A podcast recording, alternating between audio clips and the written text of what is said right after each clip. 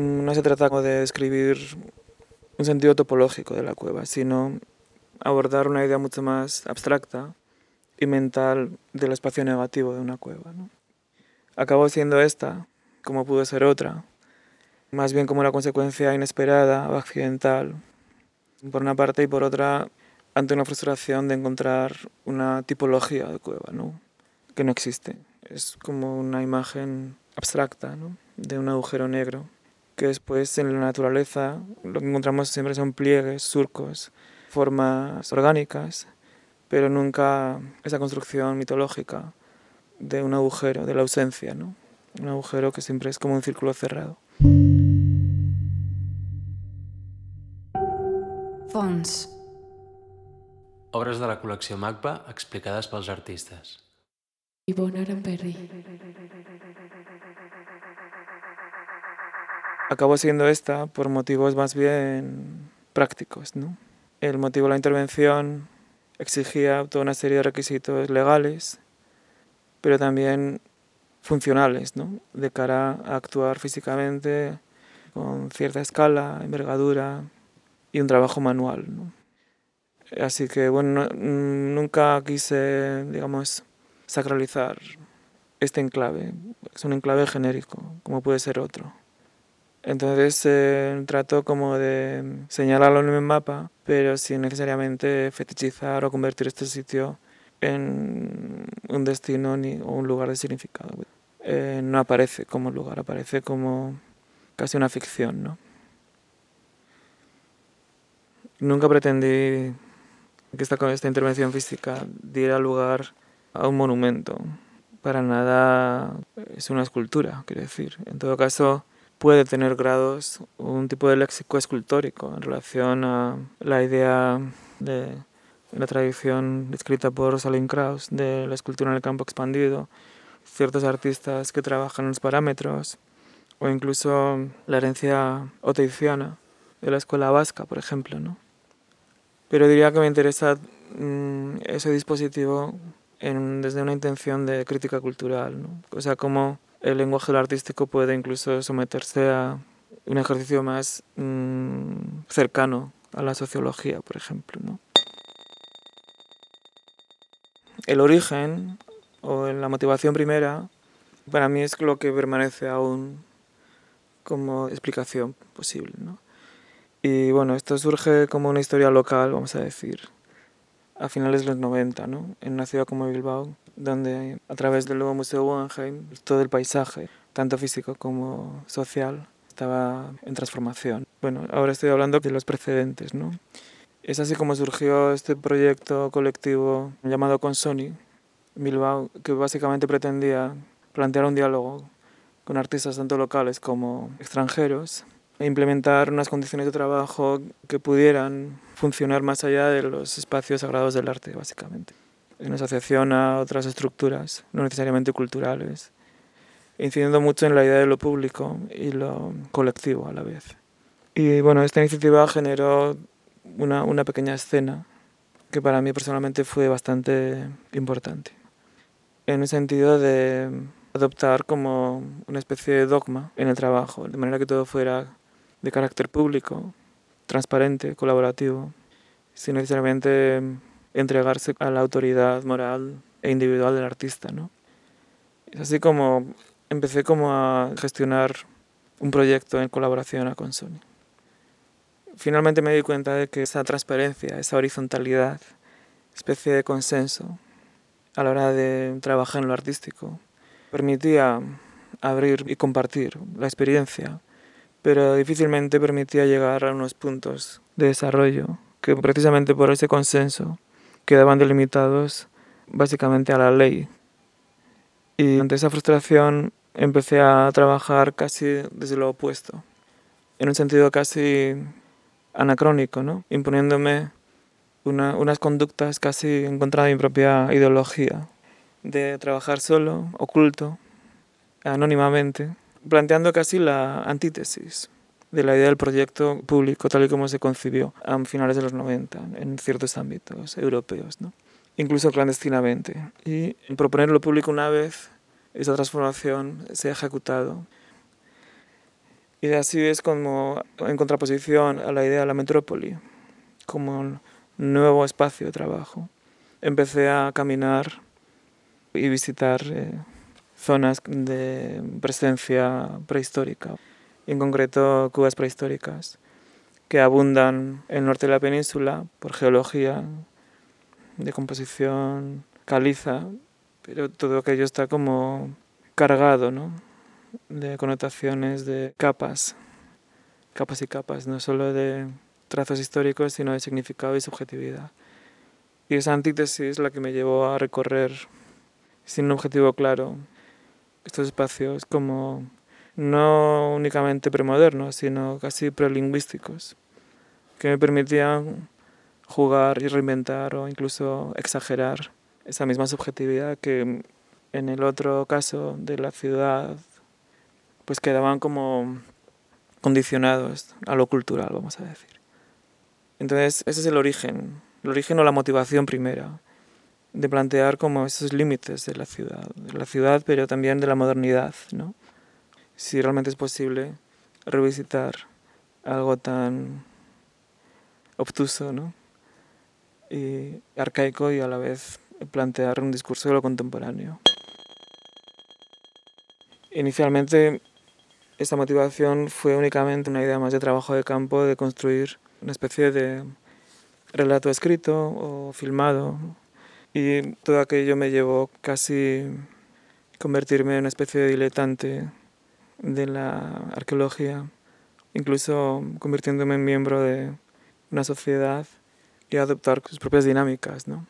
Y así se construye esta especie de atlas que aquí se presenta. Entonces inicialmente me limité a compilar esos materiales, esos documentos o incluso ampliados, intervenciones o modificaciones que yo realizaba a partir de, vamos a decir, no son documentos, al final es todo una especie de biblioteca, ¿no? Siempre encontramos como cierto componente exagerado, ¿no? Como delirante, sobre todo a principios del siglo XX. Y me interesaba ese grado de manipulación y de cómo la historia se construye a partir de una ideología y una creencia y de cómo digamos, eh, los aspectos más empíricos o cientifistas acaban supeditados como a unas creencias que construyen pues, la herencia que hemos recibido. ¿no? En gran parte de las investigaciones sucede en los años 20-30, un periodo como muy ligado a la influencia germánica en lo cultural, en lo filosófico y tal que después dio pie a un grado de construcción nacionalista, por ejemplo. ¿no?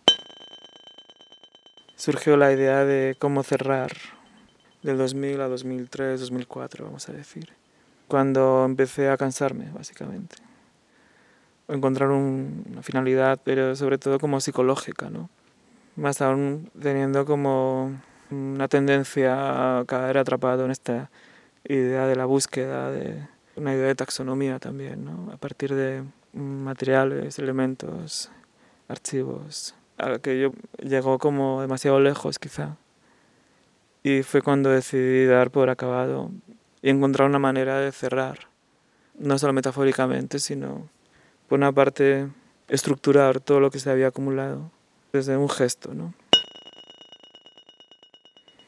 Y es así como de repente quise trasladar ese gesto de borrar, ¿no? de cuando tachamos eh, pues un párrafo, ¿no? o cuando eliminamos pues una forma de información.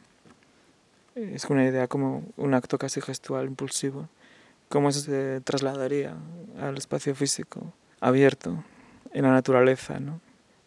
Entonces, bueno, lo tengo que contar como una historia porque realmente no tiene una explicación meramente conceptual.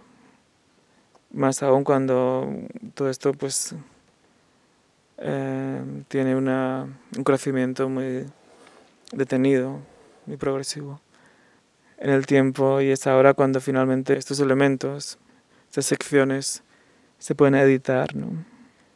Y trasladarlos quizá como una versión más legible. Pero todavía no sé si realmente tiene una explicación más allá de esa especie de deriva, ¿no? Que ha supuesto para mí casi como un viaje, ¿no? Y todo esto coincide con un momento cuando empiezo a llegar a no realizar proyectos. O digamos que gran parte de mi trabajo en sentido proyectual no ha sido llevado a cabo. Es decir, que de alguna manera no ha sucedido. ¿no? Sin embargo, en este caso me interesaba mucho encontrar la manera de que realmente se llevara a cabo en unos parámetros distintos al encargo institucional, vamos a decir, casi como una gestión personal, también como una especie de reto. Y así es como empecé a negociar y encontrar tecnicismos que me permitieran llevar a cabo algo que a primera vista parece una aberración, ¿no? una especie de ataque. En fin, ahí es donde uno se encuentra con infinidad de normativas y de propiedades, eh, vínculos, pero también posibilidades de incidir ¿no? en esas contradicciones, en esos lugares o si recovecos de la ley, porque básicamente, bueno, mi interés nunca fue destruir, sino más bien alterar y afectar más como al imaginario colectivo y de como algo violento resulta violento más por la subjetividad que implica, por todas las connotaciones políticas y sociales, que realmente no tienen por qué afectar al espacio natural, ni a la vida, ni a la biología, vamos a decir. Bueno, este aspecto era importante para mí. O sea, comprobar que realmente ese grado de violencia se da en tanto que construcción y no en tanto que, digamos, agresión en el hábitat. Finalmente, el aspecto más formal o arquitectónico pues se da en colaboración, en diálogo con profesionales, vamos a decir, tanto un ingeniero, biólogos, arqueólogos, que de alguna manera la respuesta siempre, bueno, si no tocas lo mío, no me importa lo que hagas o algo así. En el fondo no agrede más que a nuestro imaginario, ¿no? En todas las cuevas hay vida, es decir, que nos topamos siempre con la doble vertiente, ¿no? Una, digamos, patrimonial, histórica, y otra ligada como más al ecosistema vivo. Y bueno, son dos ámbitos paralelos que no se tocan, pero, o sea, no se tocan en cuanto a análisis, pero conviven. En ese sentido, he tenido que lidiar con ambos mundos. Y así como he dicho al principio, sin necesariamente agredir. En cuanto a importancia arqueológica, si es que no hay pinturas o incisiones, el valor está en el subsuelo, ¿no? en las capas estratificadas y en los sedimentos acumulados que cada X tiempo dan pie a sondeos arqueológicos. Con tal de no tocar sedimento, pues mm, nada sucede. De cara a los murciélagos y a, digamos, al ecosistema interior, la construcción permite entradas y salidas de aire y a la vez se abre un orificio con un diámetro mínimo que permite la entrada y salida de murciélagos, las especies de murciélago que habitan en su interior. Al final, estos tecnicismos, estas limitaciones configuran la arquitectura, que adopta también quizá pues, un cuerpo muy así tectónico, ¿no? muy escultórico de alguna manera, pero sin embargo la composición es absolutamente técnica. ¿Cómo contarlo? Podemos también deducir que no hay nada que contar. Me interesa más como aspecto de propósito experimental, vamos a decir. Entonces, bueno, aquí se presenta como una forma entre muchas otras. No necesariamente remite a un punto fundacional, sino que adquiere como su propia autonomía, o diría que indiferencia, ¿no? Y ya no es que esté hablando o refiriéndose a un proyecto, sino que ya es como una entidad en sí misma, ¿no? Tiene que responder a su propia totalidad, ¿no? Entonces, por eso a veces huyo del término proyecto, porque es como si el proyecto hubiera sido uno de los capítulos y el resto es documentación. No establecería ese tipo de diferencia porque para mí es una transformación en distintos niveles, ¿no? Y aquí pues aparece también de una manera un poco opaca, ¿no? Es decir, que no tiene, digamos, una explicación añadida. Simplemente dirá que tiene una forma de aproximación sensorial y otra más, digamos, eh, explícita, ¿no? Y, en fin, es una historia de historias, vamos a decir. Únicamente cuando se va a cerrar definitivamente es cuando yo invito a cualquiera a visitar por última vez esta cueva. Es así cuando surge esta excursión que podemos apreciar en un fragmento del vídeo. Esto se da eh, a diferencia de aquel otro procedimiento que explicaba antes, cuando el grado de lo público ya surge desde el principio como, digamos, motivo del proyecto. ¿no? En este caso quería acceder a lo público, pero por otra vía. ¿no?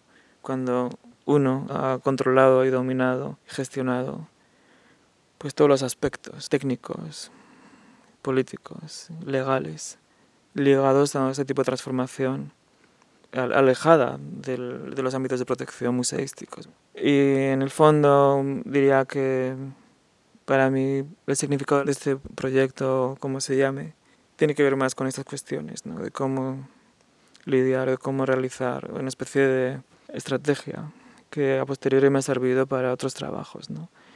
diferenciándome de aquel consenso de negociación que, bueno, se, muchas veces acababa en lo retórico.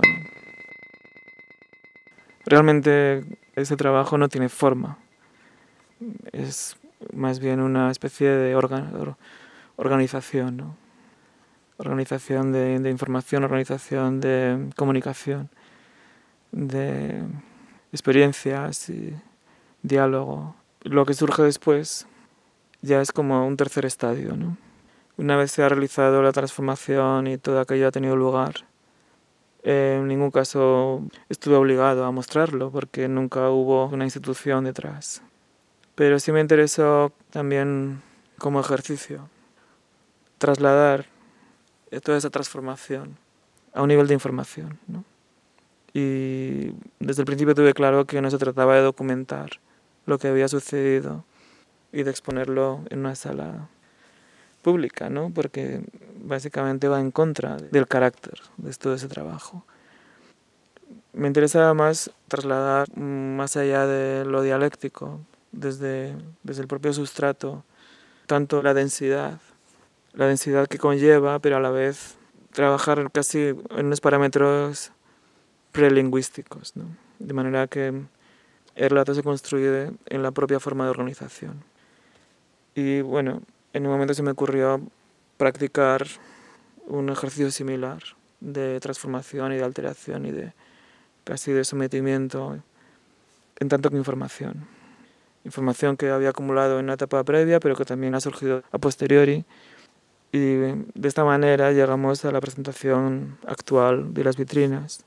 A su vez, condicionado por otro problema de cómo formatear todo aquello y negándome a una idea más convencional de libro, de publicación, plantear una organización más abierta, como una especie de documento tridimensional o maquetar en el espacio que a su vez me permitiera como continuar. ¿no?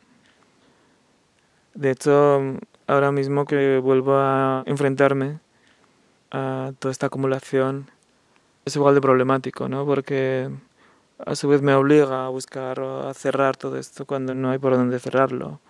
No sería capaz de convertirlo en un texto explícito y, y unívoco, ¿no? Me interesa más una idea ontológica del arte, su propio límite, vamos a decir. Una vez hayamos entrado en la colección, pues ya obviamente nos obliga como a adoptar unos parámetros convencionales, ¿no?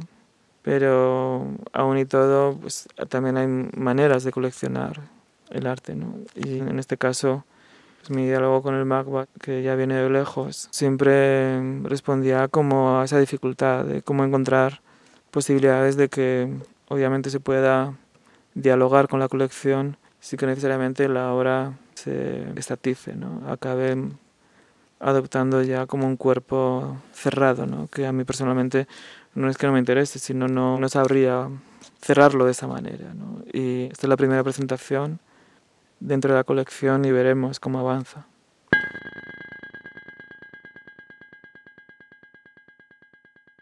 Cuevas, hay muchas cuevas. Esta es una, entre otras, puede ser cualquiera, es de carácter prehistórico, pero no tampoco tiene una importancia especial. Nunca hablo del lugar en un sentido topológico. Para mí es un lugar genérico, imaginario, que existe, pero puede existir en otro lugar de igual manera.